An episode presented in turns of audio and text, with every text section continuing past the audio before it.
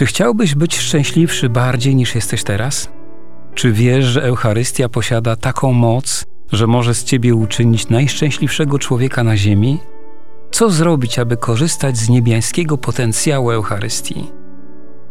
Na te pytania odpowiem w audycji Jak rozkochać się w Eucharystii. Ojciec Zbigniew Ptak.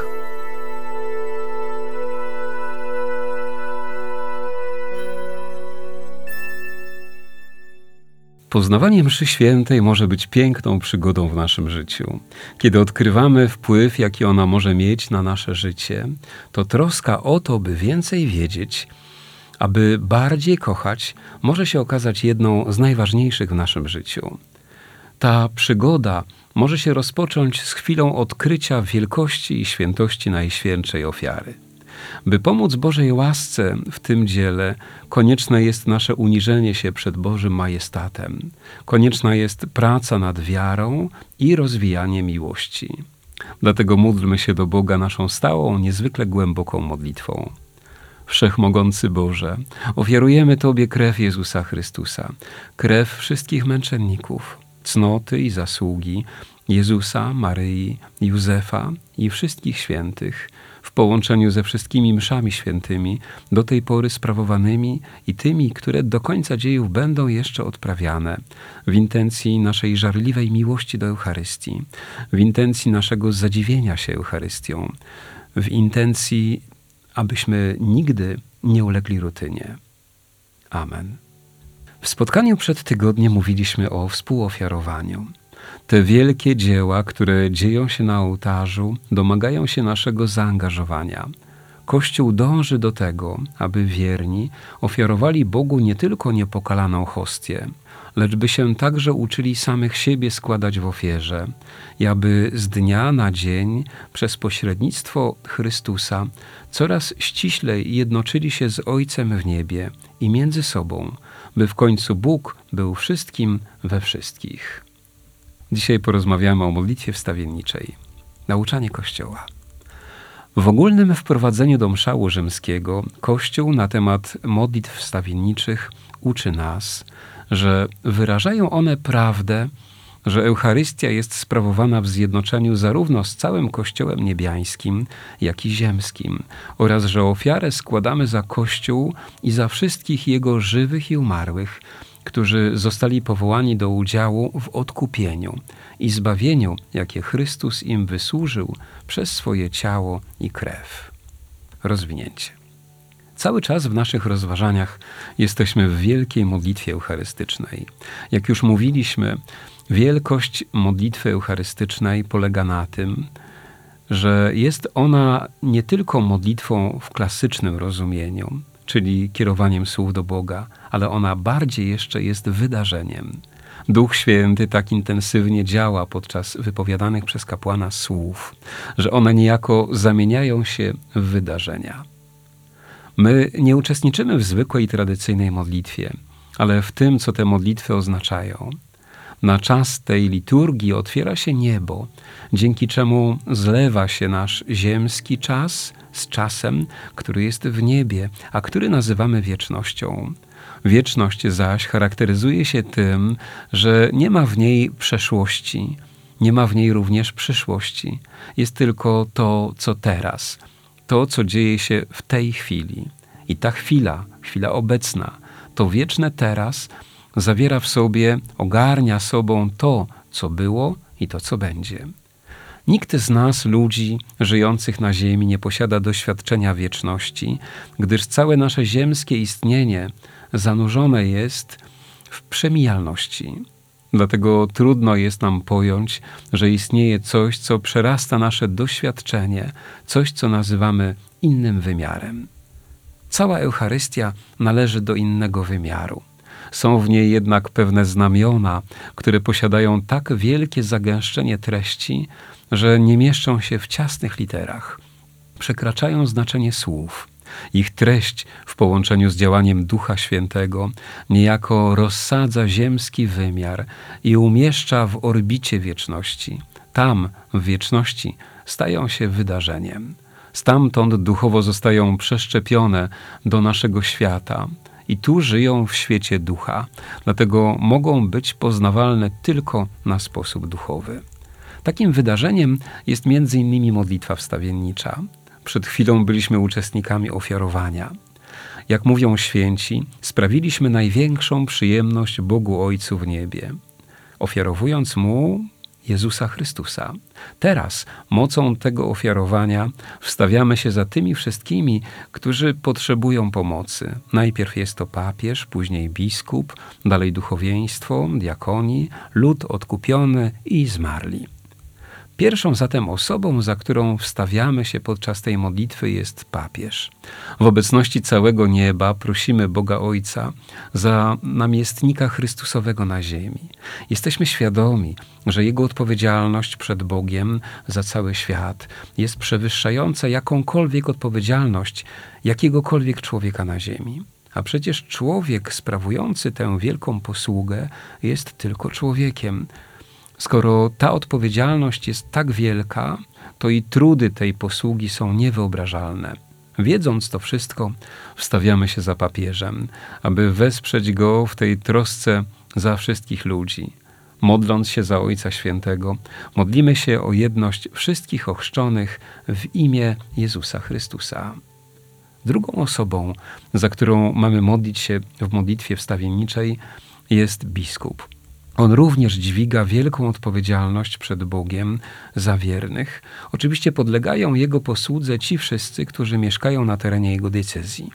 Sobór Watykański II, nauczając na temat biskupów, mówi, że biskup powołany przez gospodarza, aby kierował jego domownikami, powinien mieć przed oczyma przykład dobrego pasterza, który nie przyszedł, aby mu służono, lecz aby służyć wzięty spośród ludzi i podlegający słabości, może współczuć tym, którzy nie wiedzą i błądzą. Kolejną grupą ludzi, za których się modlimy w modlitwie wstawienniczej, są kapłani. Dzięki kapłanom Jezus Chrystus uobecnia się podczas liturgii. To dzięki nim wierni mogą przyjmować sakramenty, bez których trudno się zbawić. Kapłan podczas każdej swojej posługi winien słyszeć pytanie Jezusa, które on skierował do Piotra: Czy miłujesz mnie?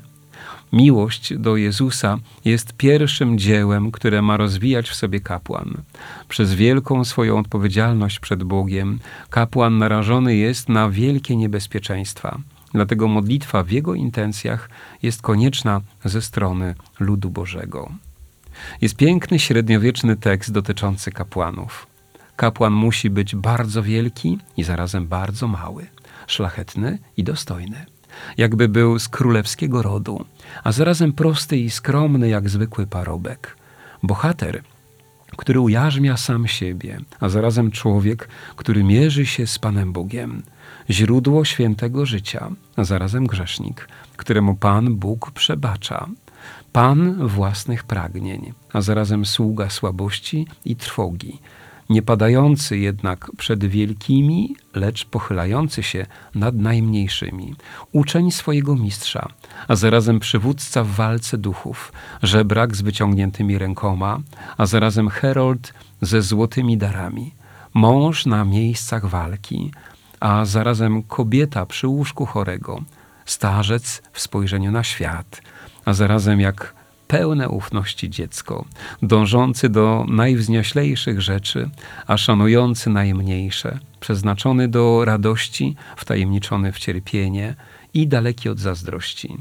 W myśleniu jasny, w mówieniu prawdziwy, przyjaciel pokoju, wróg gnuśności, pewny siebie, całkiem inny niż ja. Po kapłanach wstawiamy się za diakonów, choć to wstawiennictwo nie jest ujęte wprost we wszystkich modlitwach eucharystycznych. Diakon wykonuje służebne posługi i we wspólnocie wiernych i przy ołtarzu. Coraz częściej diakonami są mężczyźni żonaci, którzy mają okazję świadczyć o Chrystusie również w wymiarze swego życia małżeńskiego i rodzinnego. A teraz kilka słów o świeckich. Wstawia się za nich cały Kościół. Chrześcijanin uczestniczy w Eucharystii, aby wnieść ją w swoją codzienność. Głównie po to jest ta modlitwa wstawiennicza. W doskonały sposób ujmuje to napisany w II wieku list do Diogneta. Czym jest dusza w ciele, tym są w świecie chrześcijanie. Duszę znajdujemy we wszystkich członkach ciała, a chrześcijan w miastach świata. Dusza mieszka w ciele, a jednak nie jest z ciała. I chrześcijanie w świecie mieszkają, a jednak nie są ze świata. Niewidzialna dusza zamknięta jest w widzialnym ciele i o chrześcijanach wiadomo, że są na świecie, lecz kult, jaki oddają Bogu, pozostaje niewidzialny. Ciało nienawidzi duszy i chociaż go w niczym nie skrzywdziła, przecież z nią walczy, ponieważ przeszkadza mu w korzystaniu z rozkoszy.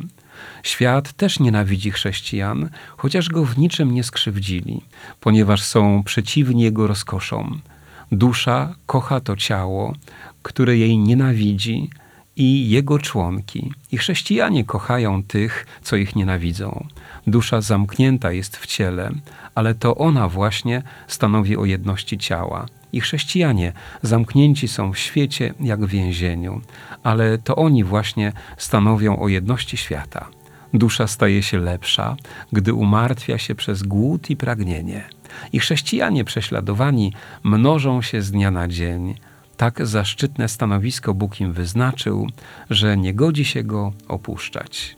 Ostatnią grupą, za którą się wstawiamy podczas tych nadzwyczajnych, wydarzeniowych modlitw są zmarli. Tradycja przekazuje nam, że Kościół oczyszczających się w czyśćcu bardzo mocno korzysta z każdej mszy świętej sprawowanej na ziemi. Jednak dla każdej duszy na tyle jest ona pomocna, na ile dusza za życia korzystała ze świętości Eucharystii. To jest ta niezwykła, sprawiedliwa zależność, która każdego z nas winna mobilizować do poznawania Eucharystii. Zawsze, kiedy ją poznajemy, mamy sposobność, aby rozkochać się w niej. Postawa wewnętrzna. Postawa wewnętrzna polega na tym, aby nie tylko słuchać słów, które wypowiada kapłan, modląc się z tekstem modlitwy eucharystycznej. Chodzi o to, aby w trakcie wypowiadanych przez kapłana formuł związanych z poszczególnymi grupami włączać wszystkie te osoby w misterium Eucharystii, w kielich z krwią, jednak jeszcze ważniejszą rzeczą jest uświadomić sobie, że nie tylko my podczas boskiej liturgii wstawiamy się u Boga za różnymi stanami, wraz z nami czynią to również wszyscy mieszkańcy nieba. Liturgia życia Włączenie tej części liturgii w życie może polegać na codziennej pamięci modlitewnej związanej z osobą papieża, miejscowego biskupa, kapłanów świeckich, którzy szczególnie potrzebują modlitwy i oczywiście modlitwy za zmarłych. Modlitwa ta może przybrać również formę dziękczynienia za te stany. Niech Was błogosławi Bóg Wszechmogący, Ojciec i Syn i Duch Święty. Amen. Czy chciałbyś być szczęśliwszy bardziej niż jesteś teraz? Czy wiesz, że Eucharystia posiada taką moc, że może z ciebie uczynić najszczęśliwszego człowieka na ziemi? Co zrobić, aby korzystać z niebiańskiego potencjału Eucharystii?